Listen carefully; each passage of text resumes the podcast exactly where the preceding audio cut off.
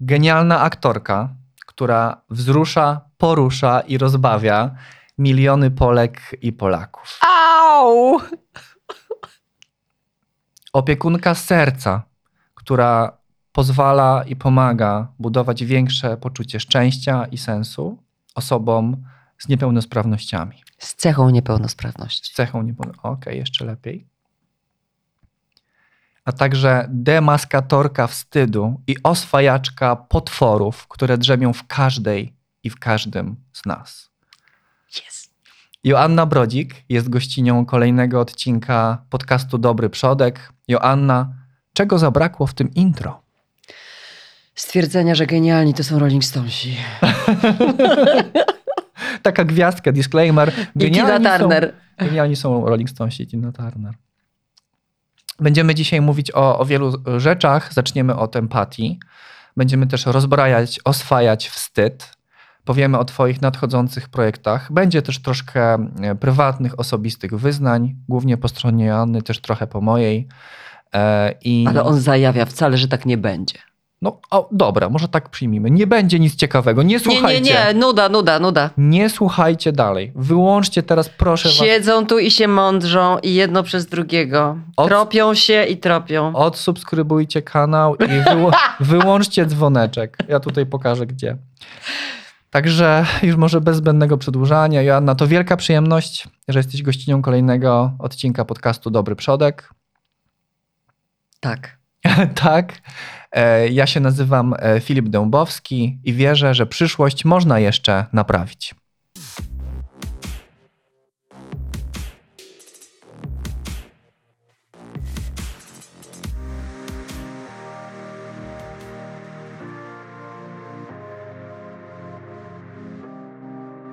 Sześć, 12, 72% to są odpowiedzi, które padają na warsztatach, które prowadzę zadając pytanie, jak myślicie, jaki procent społeczeństwa ma zdolność do empatii?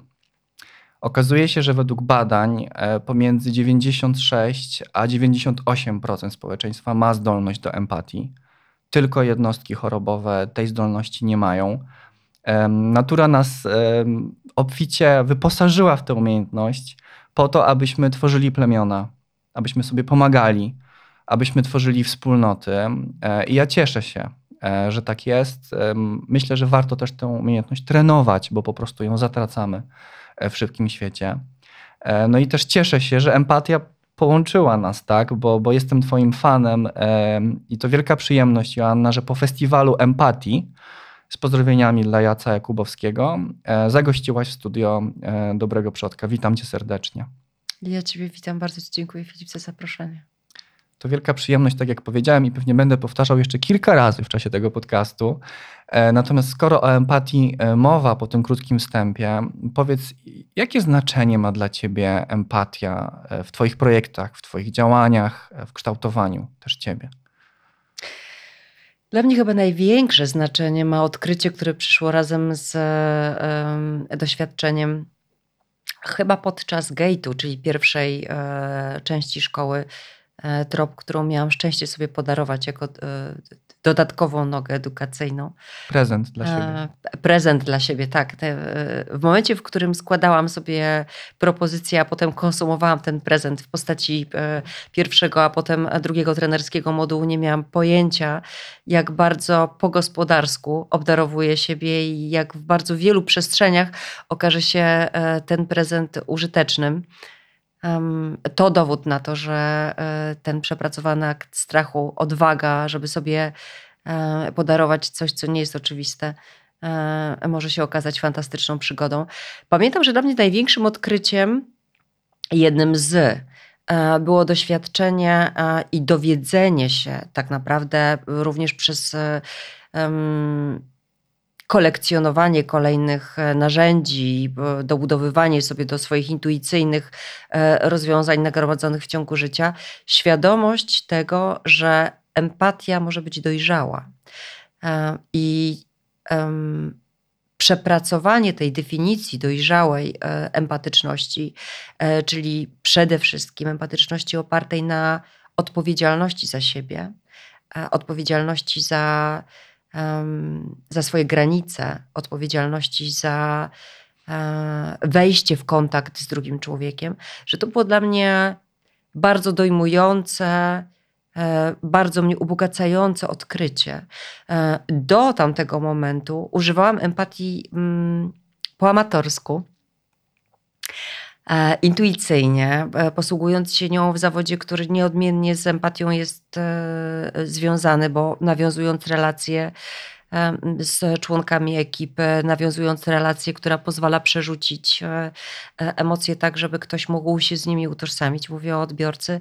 Te narzędzia empatyczne w sposób naturalny e, gdzieś mi towarzyszyły, ale były nieuporządkowane, wiesz, to znaczy miałam tak, że miałam, jak to mówią, pojęcie, że gdzieś tam dzwoni, ale co dzwoni i jak można używać tego dzwonka świadomie i odpowiedzialnie, to dopiero szkoła trop e, pozwoliła mi na te, takie uporządkowanie tego systemu e, narzędziowego, który mi towarzyszy.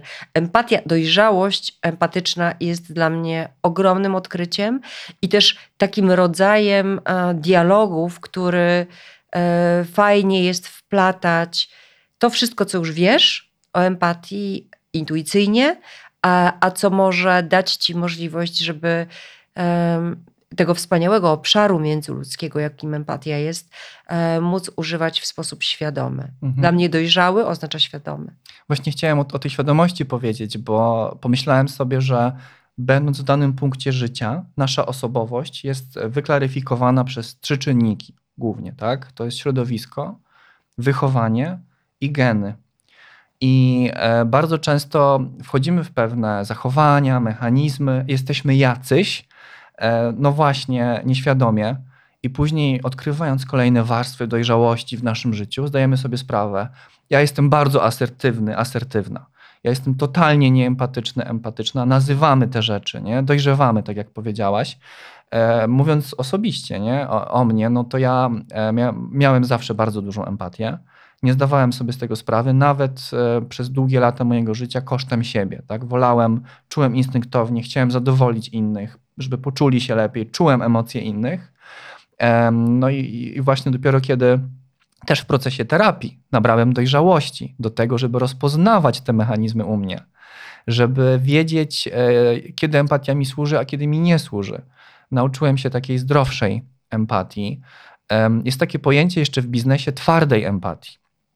E, jestem ciekaw Twojego zdania na ten temat, bo e, biznes nagle się ocknął, że empatia jest kompetencją przyszłości. Ja trochę to e, kontestuję, no bo jak dla mnie empatia jest kompetencją przeszłości. Mamy ją przecież w genach i nieprzypadkowo. No i stosuję też takie pojęcie właśnie twardej empatii, czyli empatii połączonej z pragmatyzmem, ze skutecznością, z wynikami biznesowymi. I jestem ciekaw, jak dla ciebie taki mariaż brzmi. Dla mnie brzmi ok. Um, myślę sobie, że wszystkie obszary, w których e, można e, pogłębiać świadomość i, e, i lepiej ze sobą współpracować, bo, um, jeśli to jest możliwe, również za pomocą empatii i świadomiej czy bardziej skutecznie budować swój biznes, opierając się na tych narzędziach, to, to, to spoko. Czemu nie? To, to czemu nie? To spoko. E, to trochę jest o tym, e, a właściwie bardzo, że wiele osób um, to o wstydzie, to o tym obszarze, który um, rozkminiam już od długiego czasu. Wstydzi się tego, że pracuje za pieniądze. No do cholery. Przecież to jest ekstra, tak? Hmm. A, że Pieniądze też są energią. Pewną. Robisz, robisz coś, jeśli robisz coś, co lubisz. Um, często to powtarzam um, moim synom, że jestem wielką szczęściarą. Um, mam wielki luksus, bo robię to, co kocham. Więc właściwie nie muszę chodzić do pracy. Mhm. moja praca nie, jest, nie sprawia mi e, trudności. Oczywiście bywają takie poranki, jak dzisiaj, w połowie listopada, że wstanie o 5 rano. Musiałaś do podcastu Filipa do przejść, więc wtedy nie lubisz swojej nie na pracy. Piątą, ale do tej roboty wstaje się czasami o 5 albo jedzie się całą noc, żeby znaleźć się w odpowiednim miejscu, w odpowiednim czasie dla ludzi, którzy na ciebie czekają. To, to, nie jest oczywiście e, o tym, że e, również w połowie listopada wstaję codziennie i mam tak, że ale super, wstanę sobie o piątej, pójdę sobie do roboty na 12 godzin, a potem wrócę i będę miała takie spuchnięte nogi ekstra. No nie, oczywiście, że nie. I będę jeszcze się do, e, doszkalać. I na, będę się doszkalać, kursach. a tak. poza tym ktoś będzie musiał mi zdjąć doczepione włosy i będę musiała sobie pół godziny poświęcić na odklejenie całej tapety, w którą zostałam wytapetowana.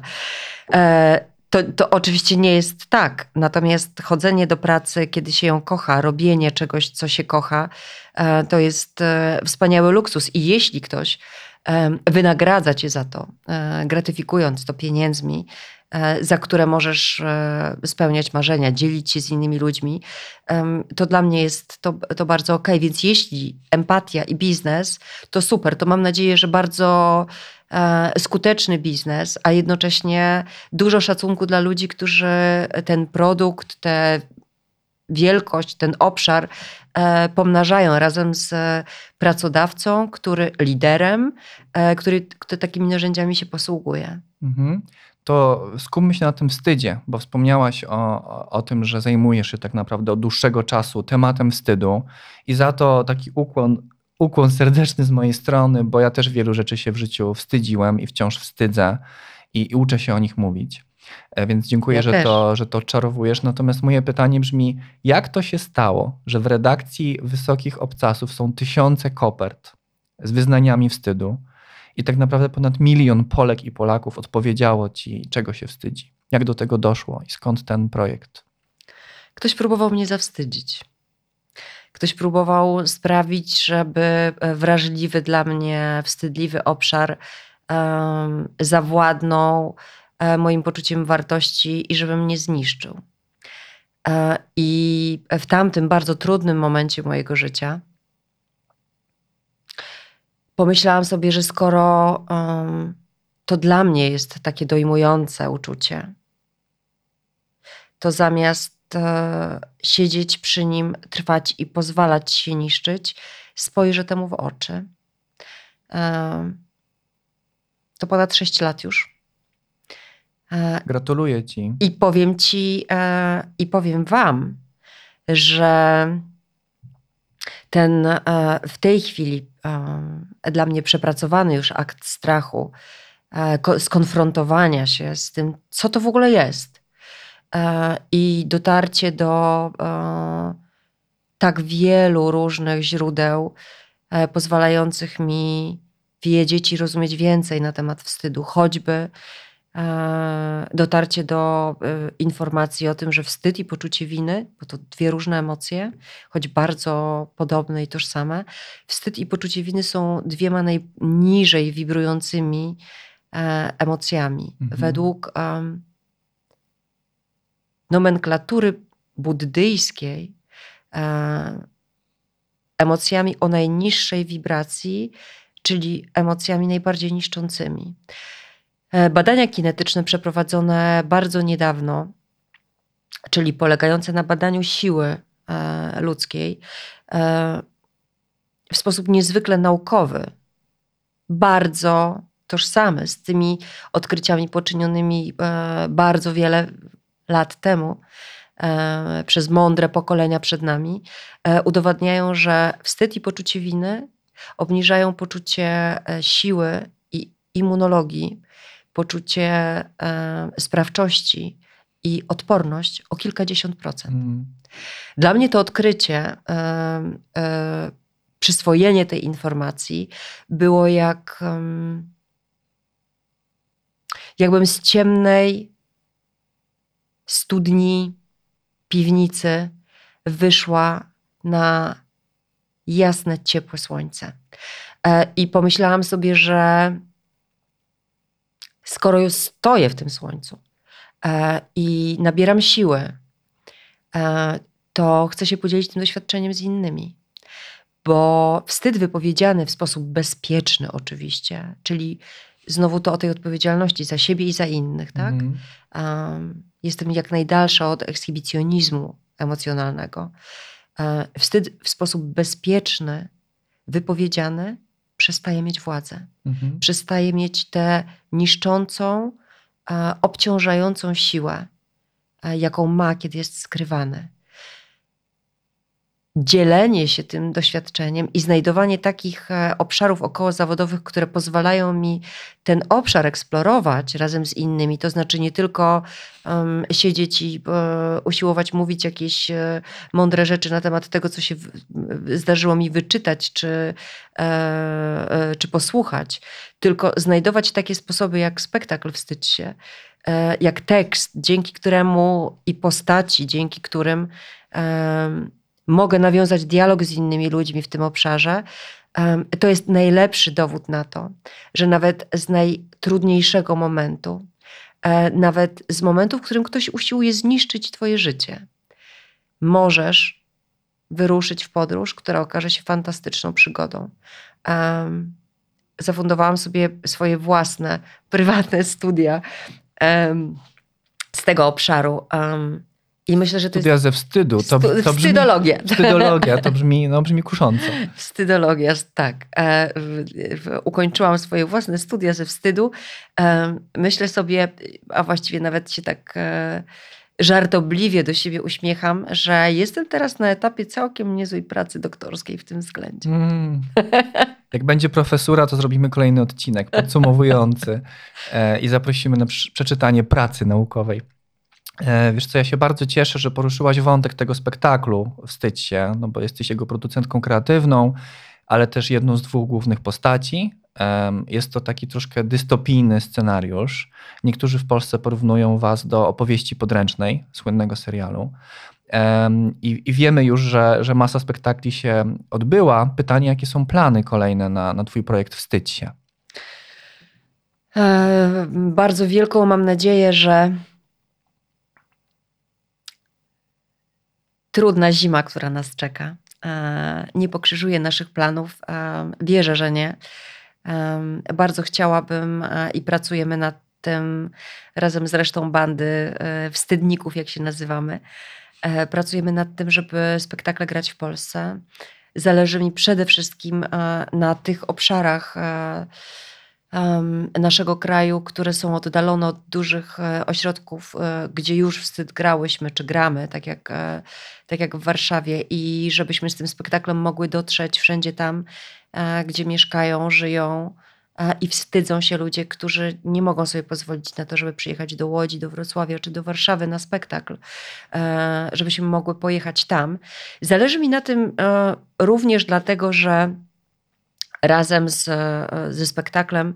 E, I to, to znowu jest też bardzo o tej drodze, w której jestem ze wstydem, e, bo dla mnie to jest pewien meta e, plan, który nie wiem tak naprawdę, gdzie będzie miał swój koniec. Wiem skąd wychodzę, natomiast dokąd trafię, tego nie wiem. Dla mnie ten spektakl to jest również i zdarzenie społeczne, czyli spotkanie z publicznością po każdym spektaklu, E, które jest ubogacone obecnością gościń, e, gości, e, którzy po spektaklu dołączają do tej rozmowy i dokładają swoje kawałki, swoich kompetencji do tego dialogu, który pomiędzy publicznością a, a nami się wywiązuje. Jest taki moment w czasie tych rozmów, kiedy Beata Kawka i ja po dwóch godzinach spektaklu, zmęczone, ale szczęśliwe, zaczynamy razem z publicznością orientować się, że to nie panel dyskusyjny i mądre głowy siedzące na proscenium e, wypowiadają jakieś e, swoje poglądy czy spostrzeżenia do widowni, tylko zaczyna się mieszać e, cudownie ta nieistniejąca, kruszyć ta nieistniejąca ściana i ludzie na widowni zaczynają rezonować ze sobą również, pomiędzy sobą. Gdyby, taka nowa forma sztuki, gdyby kolektywny. Nie, gdyby nie to, że się kontraktujemy na określoną e, e, długość tych spotkań i pilnujemy tego, żeby był jeszcze czas na to, żeby się uściskać i pogadać w kuluarach e, z publicznością, e, to myślę, że mogłybyśmy siedzieć i całe noce. To jakbyś tak podsumowała te opowieści, które padają po tych spektaklach, ale też listy, które dostajesz, to jak, jak, myślisz, jaki efekt wywołały te twoje działania i tak naprawdę czego my w Polsce się wstydzimy? Co... Nie w Polsce, Filip. My się wstydzimy na całym świecie, niezależnie od tego, jaka jest szerokość geograficzna, jakiego jesteśmy wyznania, e, jaki jest nasz status, jaka jest e, nasza tożsamość. Mm. Wstydzimy się tego samego. Um, Dwa i pół, zaraz będzie trzy lata od akcji e, A ty czego się wstydzisz? Um, zarezonowało z tą akcją ponad dwa miliony ludzi.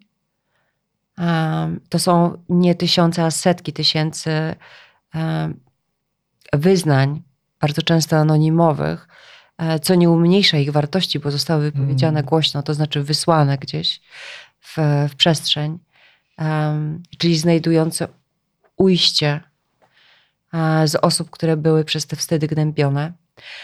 E, te setki tysięcy pozwalają sklasyfikować się w e, trzy obszary, w których się wstydzimy, niezależnie od tego, gdzie jesteśmy i skąd przychodzimy i dokąd zmierzamy. To jest obszar cielesności, czyli naszego poczucia braku wpisywania się w kanon e, akuratności piękna, atrakcyjności.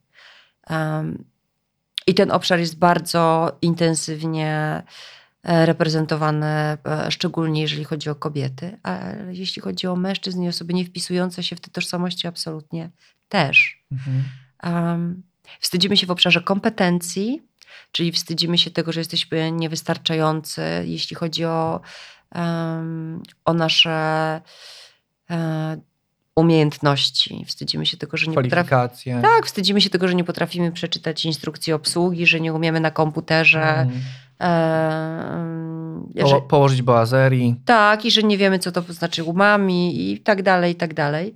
E, I trzeci obszar, bliski pewnie tobie, tak jak i mnie, e, obszar e, wstydów związanych z relacjami. To jest trzeci obszar, tak? Wstydzimy się w obszarze relacji, mm. czyli tego, że zdradzamy, nie kochamy, nie możemy wybaczyć, e, e, żeśmy zaniechali. E. Czujemy złość na kogoś, na kogo nie powinniśmy. Tak, tak. To są trzy obszary: cielesność, kompetencje i relacje. Ważny wątek poruszyłaś, że czasami wypowiedzenie czegoś jest już formą terapii, że chowanie jednak tego potwora tylko i wyłącznie dla siebie zwiększa jego rozmiary, karmi go i nam się wydaje tak naprawdę, że on jest strasznym potworem, który przerazi innych, a napisanie listu, powiedzenie tego przyjaciółce, przyjacielowi. Czy choćby usiądnięcie, tak jak ludzie na widowni y, i przeżycie tego, co niesiesz ze sobą w bezpiecznej przestrzeni, e, ciemnej sali, jakby w, w, rezonansie z innymi osobami, które w tej e, sytuacji uczestniczą, a potem odgadać się z tego podczas e, rozmowy po spektaklu albo nie, ale być. To znaczy mieć, poruszyłeś bardzo ważny obszar, mieć poczucie przynależności, że nie jesteś sam, że to, że się czujesz niewystarczający, niewystarczająca, to nie jest tylko twoje, to jest mm. każdego z nas.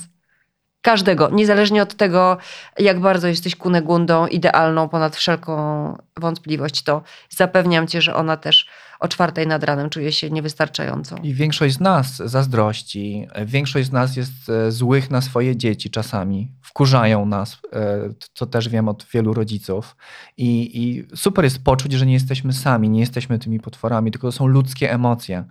E, a Joanna Chmura, którą pozdrawiamy, też bardzo fajnie tłumaczy, że nie ma złych emocji. Przecież takie trudne emocje jak, jak wstyd, jak lęk, jak poczucie winy, jak furia są nam do czegoś potrzebne, bo nam dają pewien drogowskaz. Tak. Mówiłaś dzisiaj o dojrzałości, yy, mówiłaś też o wstydzie, o empatii. Tak się zastanawiam, czy ten wstyd, yy, jeszcze ten wątek trochę pociągnijmy, transformuje się w czasie życia. Czy przez większość życia wstydzimy się o to samo, za to samo? Czy ten wstyd zmienia swoje oblicza i wstydzimy się za różne rzeczy, a może on traci na sile z każdym wiekiem, bo rozumiemy coraz więcej? Jak, jak byś to ugryzła? Choć nie jest to zbyt eleganckie, to mm, mam ogromną e, pokusę, żeby odpowiedzieć pytaniem na pytanie. Czy ty pamiętasz swój pierwszy wstyd? Mm, Dobre pytanie. Myślę, że tak. Pamiętasz? Myślę, że mniej więcej tak. Aczkolwiek wydaje mi się, że przed nim też był wstyd, który jest nieświadomy w tym momencie. Mhm. A, bo ja myślę sobie, że na przestrzeni życia wstydzimy się w bardzo wielu e, tematach bardzo różnych, przynależnych dla miejsca na osi czasu, w której się znajdujemy. Hmm. Pamiętam, że wstydziłam się tego, że e, nie lubię salcesonu i wkładałam go sobie do kieszeni fartuszka w przedszkolu i na tym fartuszku pojawiała się taka wielka, tłusta plama, ale nie miałam pomysłu na to, co zrobić z tym salcesonem, więc tak chodziłam z tym salcesonem na brzuchu, który to brzuszek był wtedy bardzo wydatny, cieplutki e, i pełen e, takiego tłuszczyku jak ten w tym salcesonie, chociaż salcesonu nie lubiłam. No to jest piękna metafora, to jest chowanie wstydu, tak naprawdę, który i tak widać. I ten tak. salceson prze, przepuszczający ten tłuszcz przez ten fartuszek jest dla mnie takim synonimem e, e tego, e, e, tego, tego pierwszego, takiego e, malowniczego, może, może nie pierwszego, ale takiego bardzo obrazowego wstydu. Pamiętam, jak bardzo żarliwie, to jest to słowo, jak bardzo żarliwie wstydziłam się, kiedy po tym, jak zostałam przyjęta do szkoły teatralnej, mówiono mi, że wszystko robię źle, że jestem beznadziejna. I ja te, mm, te narracje przyjęłam tak bardzo, że byłam beznadziejna. Pamiętam, jak bardzo wstydziłam się tego, że moi koledzy muszą ze mną próbować, ze mną mhm. beznadziejną.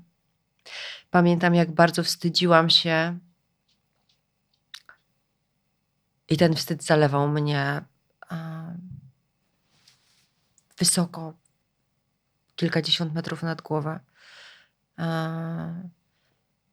Kiedy wyciągnęli jak króliki z kapelusza moje chłopaki przedwcześnie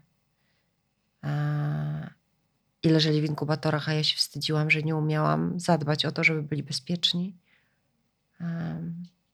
że nie miałam dość siły, żeby tę ciążę donosić. Wstydzimy się różnych rzeczy.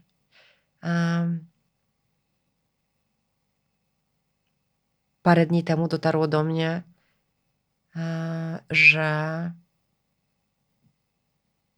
wstydzę się tego, że bolą mnie kolana. I że nie mogę swobodnie wyskoczyć z auta jak rączałania, tylko jak dłużej tam siedzę, to potrzebuję momentu, żeby mm. E, moje stawy wróciły do ruchomości i, i że ukrywam to, że się tego wstydzę. Dzięki za Twoją szczerość, to, to było też piękne. Ja Was zachęcam, napiszcie w komentarzach, czego się wstydzić. Jeżeli macie na to ochotę i przestrzeń. I czujecie się z tym bezpiecznie. I czujecie się z tym bezpiecznie, to, to napiszcie.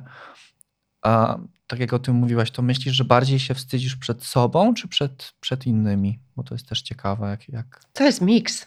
Mm. Na tym polega cały cymes, żeby to e, przytrzymać, odkryć. E, przed sobą czy przed innymi? Czy przed sobą i przed innymi? Czy przed sobą, że przed innymi?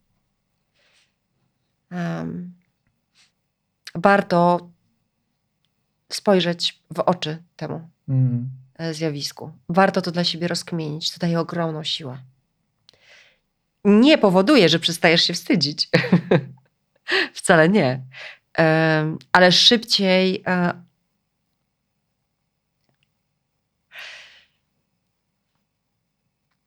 szybciej demaskujesz.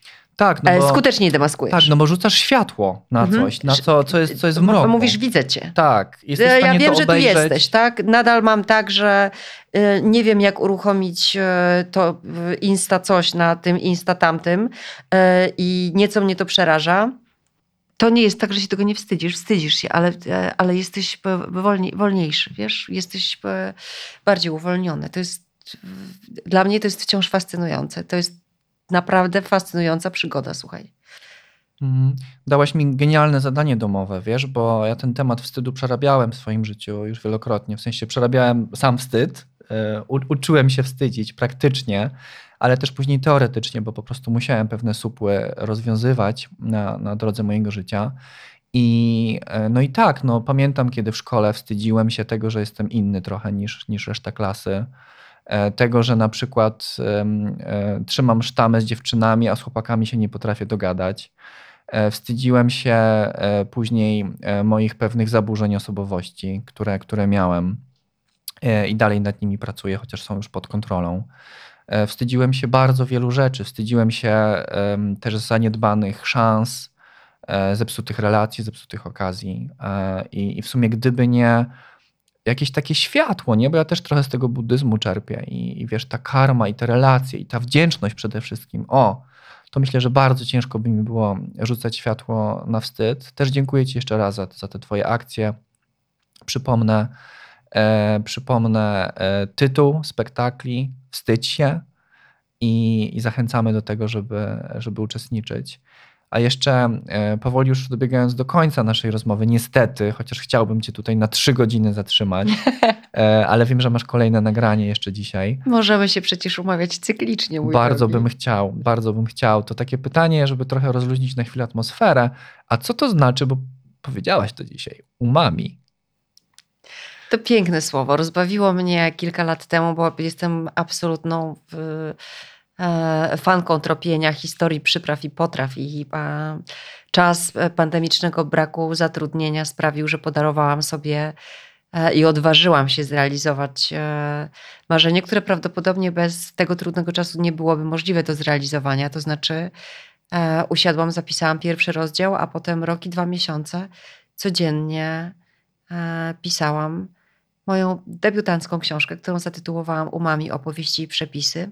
Bardzo smaczna, polecam konsumpcję liter. A umami, a umami to słówko z japońskiego, na które trafiłam w jakimś artykule i pamiętam, że się żachnęłam, e, kiedy autor e, stwierdził, że ten piąty, e, oficjalnie w 2000 roku uznany za e, obowiązujący smak po słodkim, słonym, kwaśnym i e, gorzkim, określany jako mięsny, bulionowy, e, pyszny, że jest to trudne tłumaczo, tru, trudne tłumaczalnie na polski e, słówko umami. Ja pamiętam, że czytając ten artykuł pomyślałam sobie, ale ty jesteś głąbem autorze. Przecież każdy zrozumie, jak umamy. I właśnie o to chodzi. I to, i to, to, to, skojarzenie e, e, umamy, umami e, przyszło mi do głowy, kiedy zaczęłam pisać tę moją wyśnioną gawędę kulinarną. Bo gdybym miała jednym słowem opisać tę całą radość, wyjątkowość płynącą z jedzenia, którym jesteśmy obdarowywani, kiedy ktoś karmi nas z miłością. Mm. E, Gotowanie to, z intencją w ogóle. To niekoniecznie nie, musi tak, być mama, tak? tak. E, ale to jak u mamy, to każdy zrozumie. I to jest właśnie o smaczliwości świata. To skoro już o mamach i pokoleniach mowa, to co dla ciebie, Joanna, znaczy być dobrą przodkinią?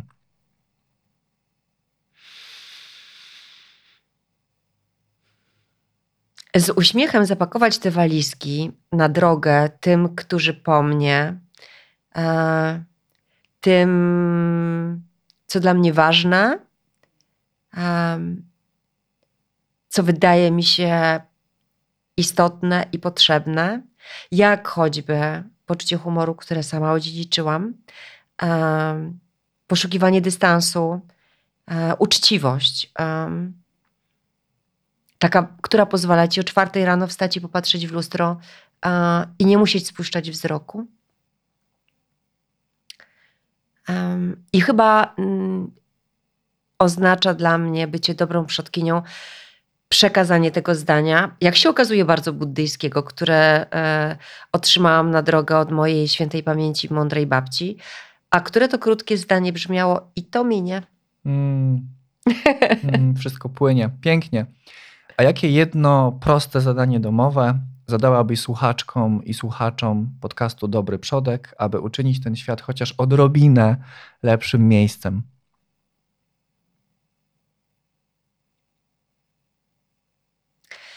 Bardzo bym Cię chciała poprosić, e, żebyś w ciągu następnego dnia, tygodnia, kiedy znajdziesz moment i kiedy przypomnisz sobie to, e, o co cię proszę, żebyś zamiast mówić, przez chwilę posłuchał, posłuchała. Drugiego człowieka, tego, co dookoła, tego, co w tobie, żeby posłuchać. Ciekawe, co z tego wyniknie. Chińczycy bądź Japończycy, tutaj jest rywalizacja, mają takie powiedzenie: jeżeli wystarczająco długo pomilczysz, uzyskasz wszystkie niezbędne odpowiedzi. E, ja jestem wdzięczny za to, że dzisiaj mogłem trochę pomilczeć i Ciebie posłuchać, Joanna. To, to było piękne, to była fascynująca uczta. E, masz piękny umysł, podziwiam go, bo jest szybki i jest bardzo ciekawy. Dziękuję jeszcze raz. To był najlepszy komplement, jaki usłyszałam w tym tygodniu. niech, niech tak zostanie do końca roku. E, dziękuję Ci, Joanna. E, w ramach takiej małej wdzięczności za to, że dzisiaj się pojawiłaś, mam dla Ciebie mikroliście. To są mikroliście grochu. One rosną sobie w sposób ekologiczny na farmie wertykalnej w Warszawie. Robi je taka. E, Ale one wcale nie są takie mikro, powiem ci. No, to jest tak. To jest stadium pomiędzy kiełkiem a dorosłą rośliną.